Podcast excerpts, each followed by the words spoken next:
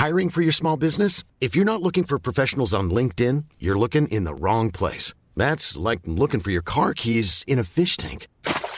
LinkedIn helps you hire professionals you can't find anywhere else, even those who aren't actively searching for a new job but might be open to the perfect role. In a given month, over 70% of LinkedIn users don't even visit other leading job sites. So start looking in the right place. With LinkedIn, you can hire professionals like a professional. Post your free job on linkedin.com slash people today. Burrow's furniture is built for the way you live. From ensuring easy assembly and disassembly to honoring highly requested new colors for their award-winning seating, they always have their customers in mind. Their modular seating is made out of durable materials to last and grow with you. And with Burrow, you always get fast, free shipping. Get up to 60% off during Burrow's Memorial Day sale at burrow.com slash ACAST. That's burrow.com slash ACAST. burrow.com slash ACAST. Ready to pop the question? The jewelers at BlueNile.com have got sparkle down to a science with beautiful lab grown diamonds worthy of your most brilliant moments. Their lab grown diamonds are independently graded and guaranteed identical to natural diamonds, and they're ready to ship to your door. Go to BlueNile.com and use promo code LISTEN to get $50 off your purchase of $500 or more. That's code LISTEN at BlueNile.com for $50 off. BlueNile.com code LISTEN. Et år på bibelskole, et liv med substans.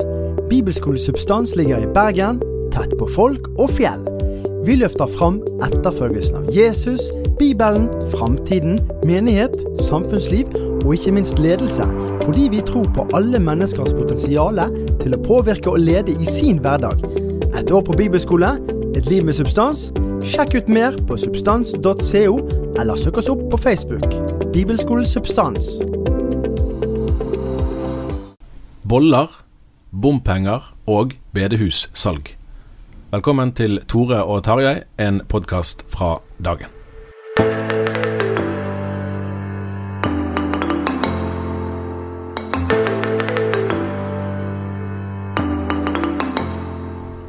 Ja, her i studio i dag sitter kollega Tore Hjalmar Sævik og meg sjøl, Tarjei Gilje, og er litt forvirret fordi det har snødd i Bergen i natt etter en rekordvarm april måned. Men det må vi vel bare finne oss i. Antagelig må vi det. Jeg kikka ut eh, vinduet i dag og så eh, at det var rett og slett eh, hvitt. Og tenkte 'kom mai, du skjønne milde'. Milde og milde. Ja. Så antagelig så, så må vi bare innstille oss på at det, det skifter litt etter været, da. Du, hvordan er du som baker? Jeg vil si relativt Altså ikke ubehjelpelig, men heller ikke spesielt imponerende. Så det er ikke du som lager boller hjemme? Nei, det er jeg ikke. Men jeg kan bake brød. Ja, Nei, men det kan jo komme godt med. Ja. Vi har jo skrevet en del om boller i avisen den siste uken. Ikke fordi at vi er så veldig opptatt av bakeoppskrifter, men fordi at det har blitt en illustrasjon på arbeidsforholdene for lagsbevegelsen i Agder, der man ble nektet å servere forlokkende boller som invitasjon til lagsmøter. Var du aktiv i lagsbevegelsen når du gikk på skolen? Nei, det var aldri noe sånn iallfall jevn lagsdrift. Det har vel kanskje vært innom så vidt når jeg husker tilbake, men, men det, det, har ikke vært noen sånn viktig del av, av mitt skole ja, min skolegang, da. Ja. Jeg drev på litt med det der både på ungdomsskole og på videregående, men jeg kan aldri huske at vi brukte akkurat boller. Men det er jo eh, ikke akkurat uvanlig det at man kan ha vafler, f.eks., særlig, eh, som er lettere å lage. Eh, og ha, eller kaffe, hva det måtte være, og bruke det som invitasjon. Sånn at hvis man ja, Det er ikke så lett å se hvordan man skal kunne praktisere en sånn, en sånn regel. Da. Man kan ha dårlige boller eller gode boller, eller dårlige vafler, gode vafler, og de dårlige vaflene er lov. For de er ikke så forlokkende, men de gode vaflene, da manipulerer man liksom med elever. Ja. Hva slags system vi beveger oss inn på her? Nei, det er jo en del, en del forhold i livet det er ikke så lett å lage regler for. Ja. Nå kan jeg jo forstå at en må på en skole ha hva jeg si, visse Det må jo fungere. altså En kan ikke si ja til Det er kanskje alt mulig som elever måtte finne på. da. Men samtidig så er det jo Det framstår jo som, som litt lite storsinna, kanskje, å begynne å, å, lage sånne regler. Men, men, det som ligger bak, som vel jeg tror gjør at reaksjonene blir, blir sterkere, det er jo at det oppleves som om, om den aktiviteten som det kristne skolelaget driver, blir opplevd som et problem. Akkurat. akkurat. For Det har sikkert vært en, en eh, krevende uke vil jeg tro, både for rektorene på Tonstad og Sirdal skoler, og sikkert også både hos fylkesmannen i Agder og i kommuneadministrasjonen i, i Sirdal, der man har blitt litt sånn ja, Bollekonseptet gjør jo saken lett tilgjengelig. at Det er lett å, å få et sånn idiotstempel eh, på seg, og det fortjener de ikke. For de har jo sikkert gjort eh, samvittighetsfulle og oppriktige eh, vurderinger og ønsket å se ting i et helhetsperspektiv. Men jeg lurer en god del på den der uh, mistenkeliggjøringen som man egentlig ender opp med overfor religiøs aktivitet. Altså Her er det jo skoleelever som har, gjør det som elever har gjort i mange tiår, nemlig å ha kristelige samlinger i friminuttene i klasserom på skolen. Der må det helt frivillig å, å være med. Uh, og hvis, uh, hvis, elevene skal oppleve at de, at de, i så stor grad må kjempe for, for å få den anledningen, uh, så Ja, da bidrar i hvert fall ikke skolen til å gjøre det lettere for, for elever da, å ha en religiøs tilhørighet. Nei, og Det inngår jo i en litt større sammenheng, for, for det handler jo kanskje om en opplevelse av en berøringsangst overfor det som har med trusliv å gjøre i, i det hele tatt. Ja. Eh, og, og, det blir jo spesielt underlig i et land som, som har så sterke kristne tradisjoner som eh, det Norge har. Det er jo der paradokset syns jeg blir veldig stort, at, at uh, i dette landet at uh, et lagsmøte skulle være såpass skummelt at man må, må foreslå så drastisk. For saken er jo at For bare en uke siden så var det i prinsippet ikke tillatt å ha lagsmøter på skolen. Sant? Det var, Fylkesmannsvedtaket ble jo omgjort positivt Eh, men i, og i den omgjøringen var det jo det lå dette her at maten ikke skulle være, være forlokkende. Så det var jo på en måte enda strammere i, i forrige uke. og da hva slags tenkning det er som da har fått innpass i offentlige myndigheter, det, det, bør vi undre oss en god del over og stille flere spørsmål til politikere og lovgivere om, vil jeg si. Altså for, for uh, hvis det er såpass skjørt at uh, saksbehandlere i, i fylkesmannsembeter i ulike, ulike, deler av landet f.eks. såpass lett kan uh, kan vedta så innskrenkende regler, så kan det ha ganske betydelige konsekvenser. Ja, og jeg tror kanskje også at eh, diskusjonen rundt trosfrihet er jo blitt eh, på mange måter eh, si, tydeligere i eh, norsk offentlighet, men den gjelder gjerne forhold i andre land. Altså at en ser at eh, forfølgelse eller, eller eh, Eh, det å møte diskriminering pga. tro det er noe som en, en, innser er et problem i f.eks. Eh, mange muslimske land og i kommunistiske land osv. Men det at vi i vårt land, også i vår del av verden, da, eh, kan oppleve at, at en har en sånn en sånn bekymring for eh, hva aktivt trusliv kan, kan føre til, at en faktisk innfører innskrenkninger som, som eh, Eh, ja, kan oppleves ganske inngripende for, for, den det gjelder. Det er jo også verdt å reflektere over, tror jeg. Ja, for et annet, av, et annet aspekt ved saken som er blitt regulert nå, er jo eh, i hvilken grad eller hvilken hyppighet det skal være lov å ha eksterne gjester, altså eksterne andaktshold. Det har jo vært veldig vanlig å ha det på lagsmøter, at man har inne en prest eller en forsamlingsleder eller en lagsansatt eller en helt annen til å ha andakt uh, i klasserommet. Det kan jo være at elevene opplever litt utfordrende å skulle stå foran sine medelever og, og ha andakt sjøl. Eh, og det i seg sjøl er vel ikke så mange som vil si nødvendigvis er så problematisk, men man mistenker jo at, at det som er liksom det man vil unngå her, er jo at det kommer en eller annen muslimsk ekstremist fra utlandet Eh, og så skal holde møter på et tenkt eh, muslimsk lagsmøte. Da. Og at man for å være prinsipiell og ikke diskriminere enkelte religioner, er da opp med en forbudslinje som egentlig da rammer ganske bredt.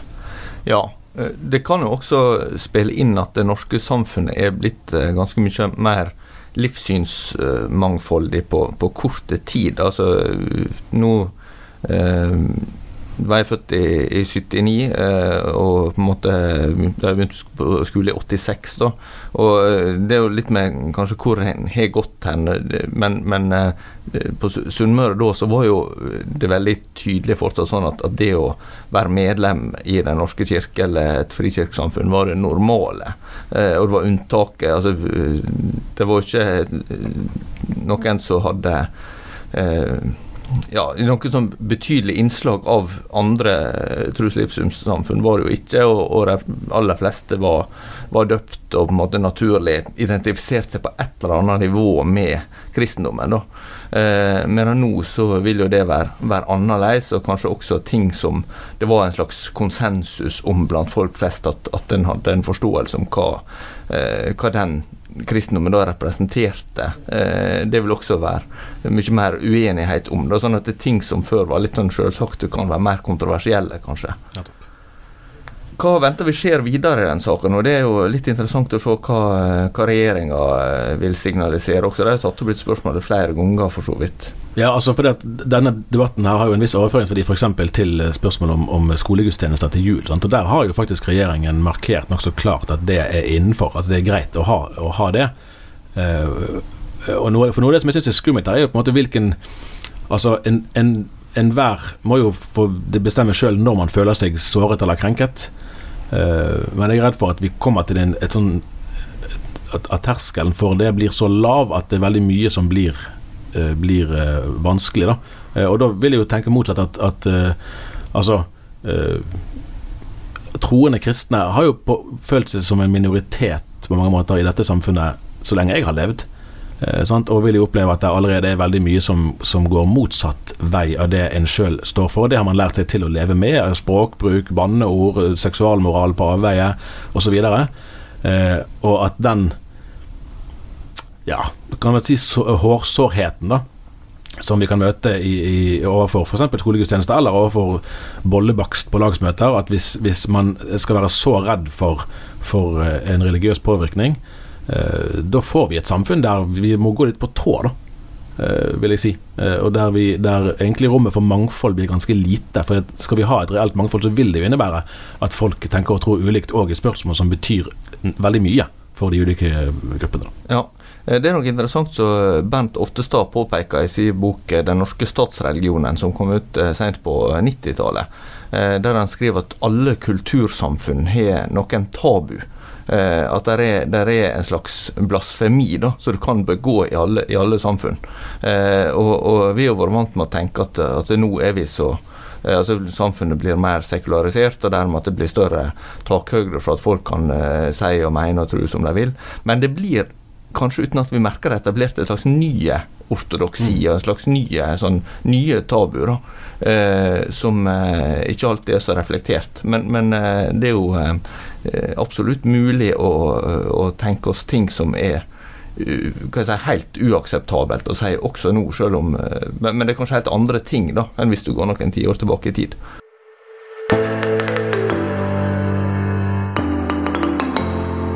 Denne helgen er det landsmøte i eh, Fremskrittspartiet. De har jo nå sittet i regjering i nærmere seks år for første gang.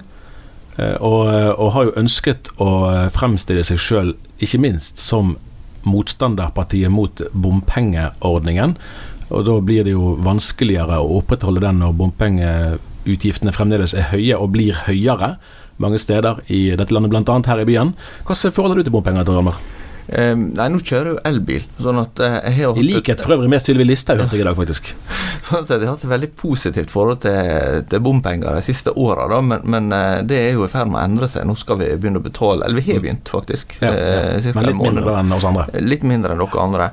Men, eh, men, jeg forstår jo at eh, dette her er igjen da, en symbolsak. Mm. Fordi det, det tar opp i seg noe med, med den personlige friheten og det at eh, du blir på en måte tvinga til å betale ei ekstra avgift. På andre sida så, så, kan en jo si at det, det er mer rimelig å, altså, å gå i retning av å beskatte forbruk enn å, å beskatte flatt. Altså Hvis en skal ha betaling for veier, så er det mest rimelig at de som bruker mest, også betaler mest, kan en si.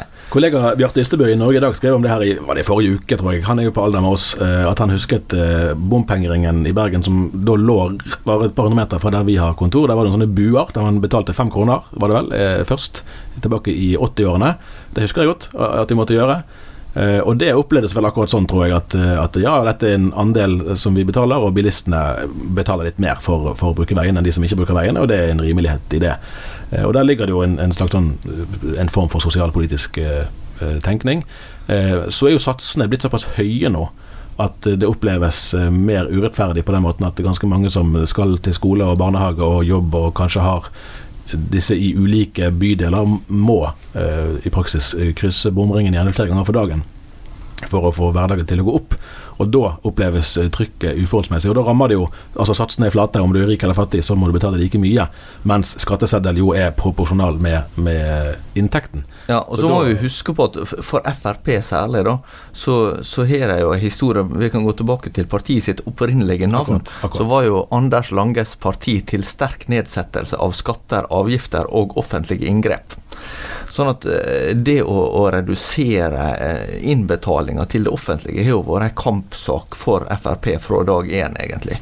Og Dermed så blir det jo tungt å sitte og, og ha ansvar for eh, klart, at bompenger Men det fremstår jo på en måte som en nesten sånn perfekt storm, dette. fordi at Samtidig så, så, ønsker jo sittende regjeringen å virkelig være veibyggingsregjeringen. Og det er vel veldig få politikere på den siden av skalaen i hvert fall som gledelig går til valg med ønske om å heve det generelle skattenivået. For det vil jo være alternativet hvis man ikke vil kutte i andre offentlige ytelser. Ja, nei, en må i tilfelle kutte. Og det er jo det er, Mange vil mene at det trengs kutt så lenge det ikke rammer meg.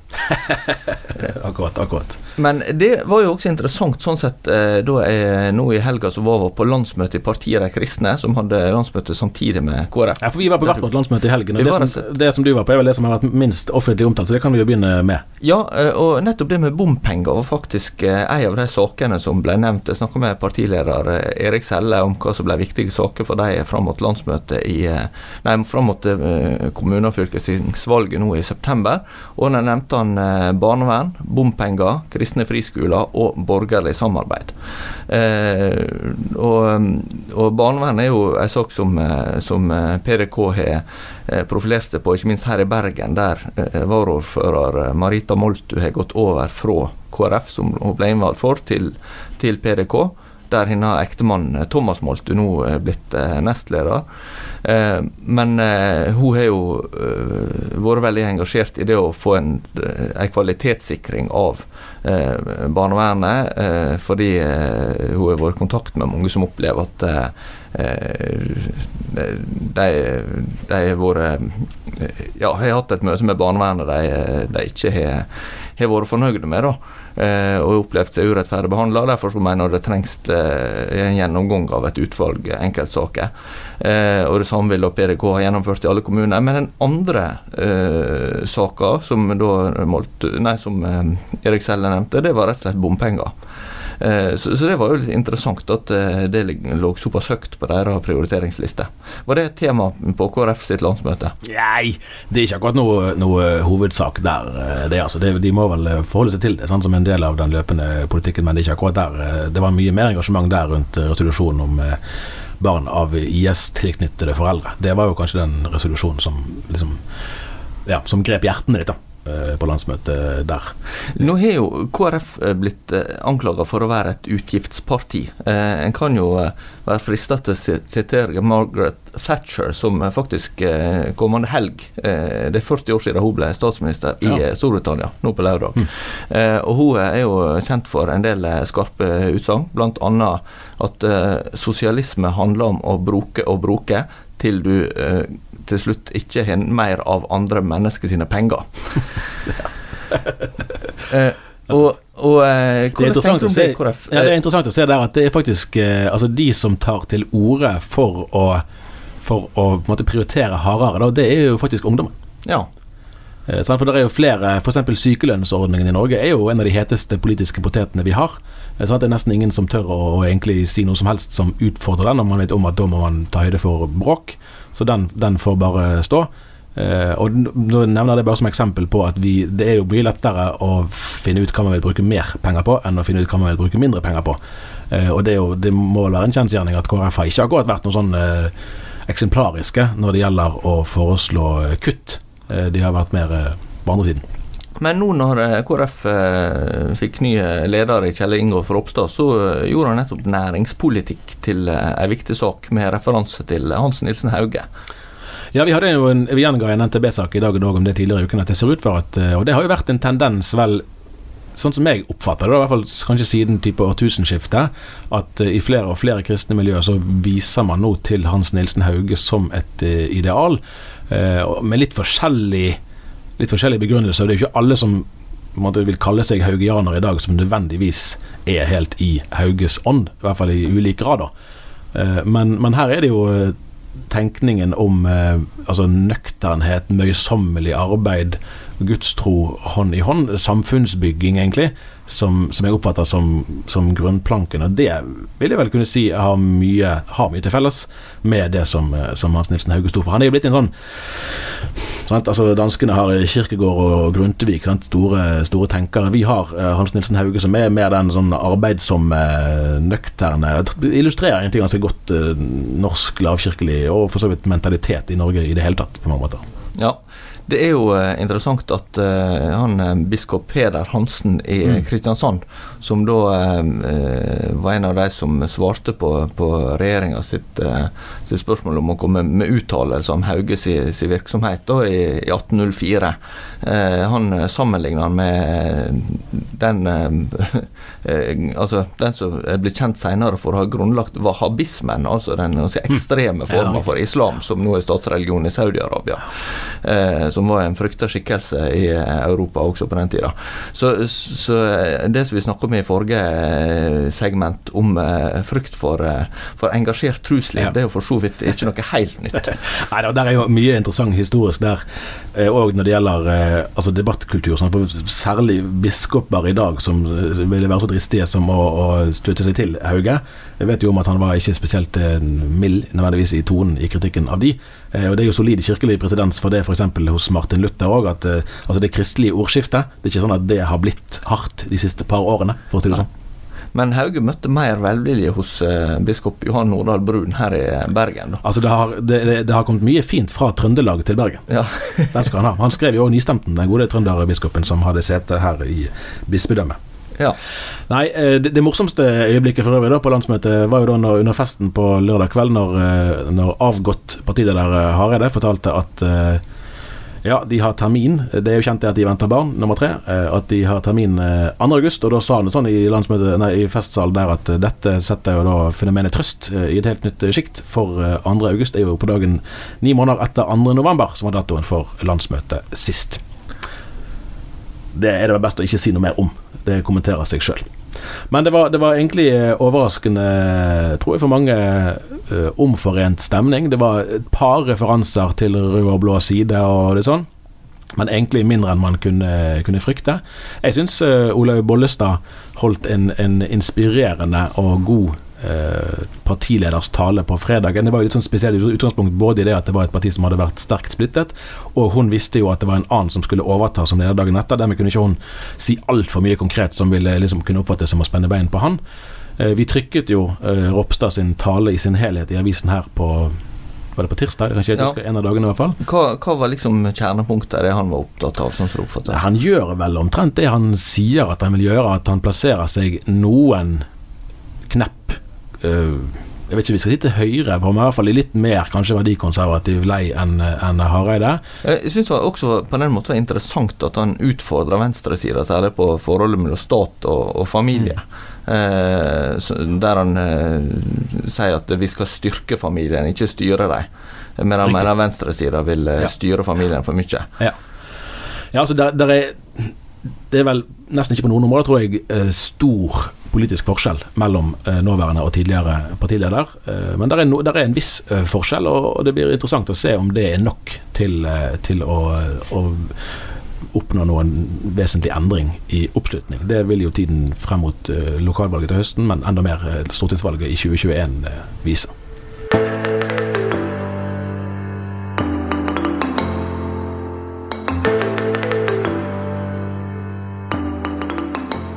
En annen av de sakene som har engasjert en del eh, av våre lesere, er jo da at eh, Norsk Luthersk Misjonssamband i Fredrikstad har solgt eh, det som heter Seierstens misjonshus.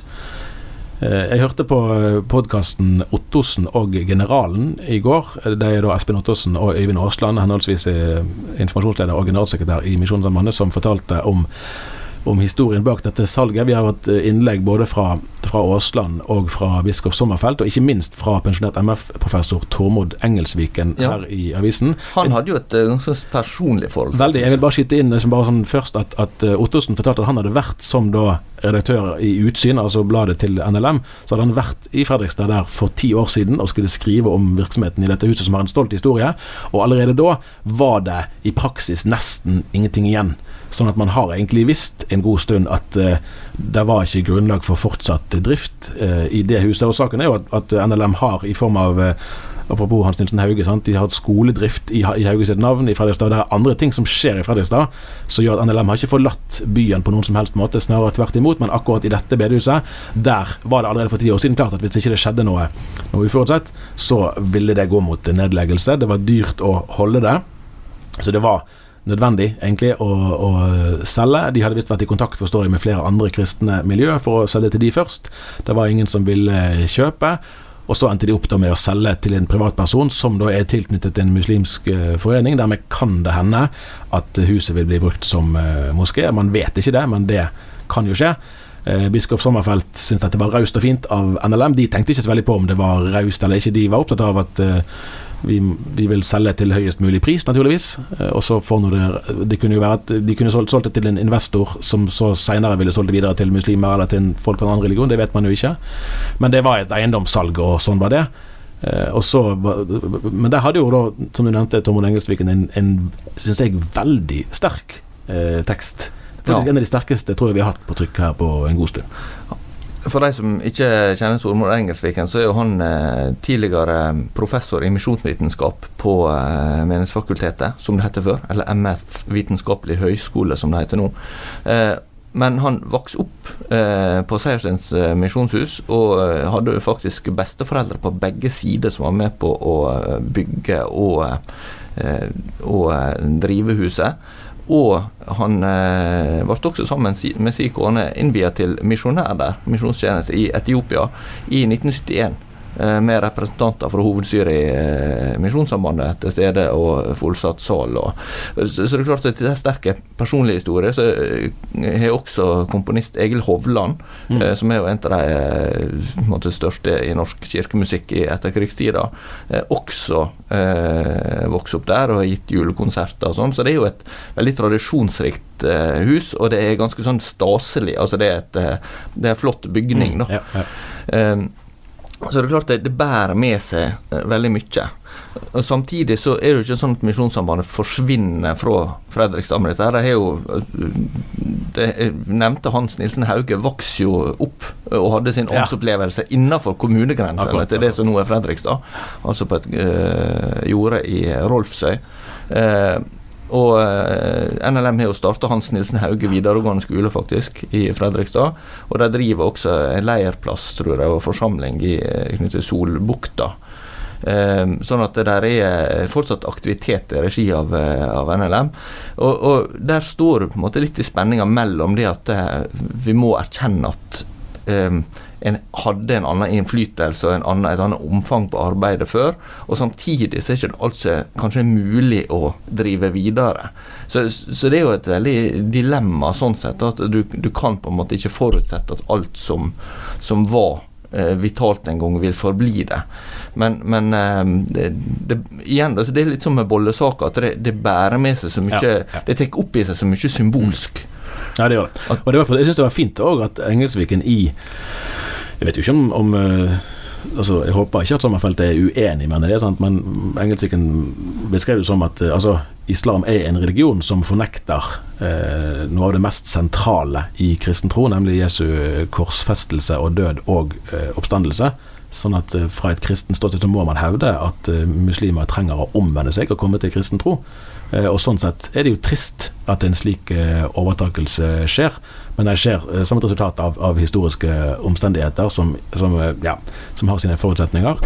Og så er det jo et forhold òg at i hvert fall i lavkirkeligheten så har man jo et litt avslappet forhold til selve byggverket av tre og stein. Det er ikke det man legger mest vekt på. Bedehusene som er reist rundt omkring i landet, er jo ikke Altså De er ikke sakralt innredet sant? Eh, med, med kirketårn og glassmalerier nødvendigvis. Men, men jeg syns likevel det var et interessant poeng Engelsviken tok opp der. For han, han eh, las jo om denne eh, dette salget i dagen samme dag som eh, Notre-Dame i, eh, Ja. i Paris Ja. brann. Eh, og da eh, påpeker han at han er veldig glad i katedralene i Europa, enten Mm. vi snakker om Nidarosdomen eller Notre-Dame eller, eller Peterskirka i Roma. Men han er enda mer glad i eh, de små kirkene som han har besøkt, enten det er i Etiopia, eller det er i Indonesia, eller det er i Kina eller andre plasser. Eh, og på samme måte bedehusene, da, for at eh, kirkene og katedralene de har jo vært offentlig finansiert i veldig stor grad i vår del av verden. Og det er eh, måte konger og regjeringer og sånt som har, har betalt for at disse, disse bygningene skal, eh, skal stå der.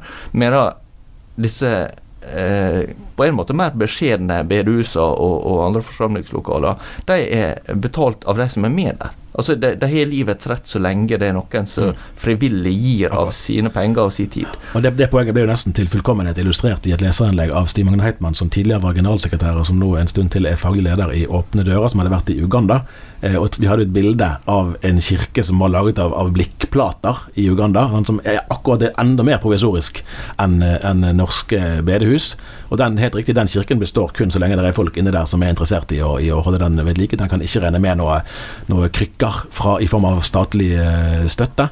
Men den lever likevel, eh, og, og kanskje for å si det sånn, eh, kanskje lovsangen fra den kirken er vel så hjertelig og høylytt som fra en katedral.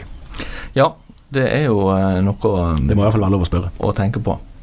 Apropos bønn, så er det jo verdt å nevne at eh, det er torsdag i eh, den veka som vi legger bak oss nå, så er det da den eh, faste National Day of Prayer i eh, USA. Det må vi ikke forveksle med den nasjonale årlige bønnefrokosten. Nei, det er det faktisk ikke. Begge deler kom til på 50-tallet. Eh, den nasjonale bønnefrokosten er jo første torsdag i februar. Eh, og Den kom til på initiativ fra den norske immigranten Abraham Vereide, som eh, kom fra Vereide i eh, Gloppen kommune i Nordfjord. Eh, og eh, fikk med president eh, eh, Eisenhower, var vel den første som, eh, som deltok der, i 1953.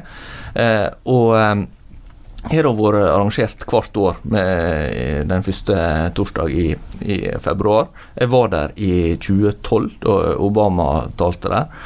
Eh, men eh, når det gjelder National Day of Prayer, så ble den innstifta i 1952. Da var det Truman fortsatt som var president. Harry S. Truman. Mm. Foreldra ble ikke enige om hva S skulle stå for, så, så navnet var bare Harry S. Truman.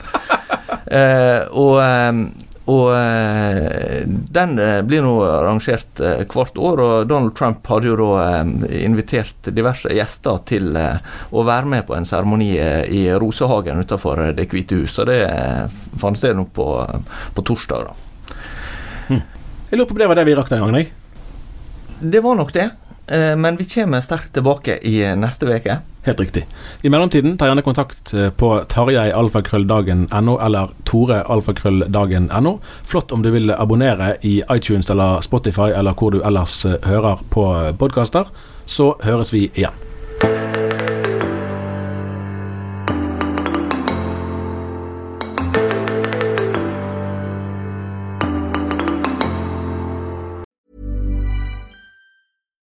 Here's a cool fact a crocodile can't stick out its tongue.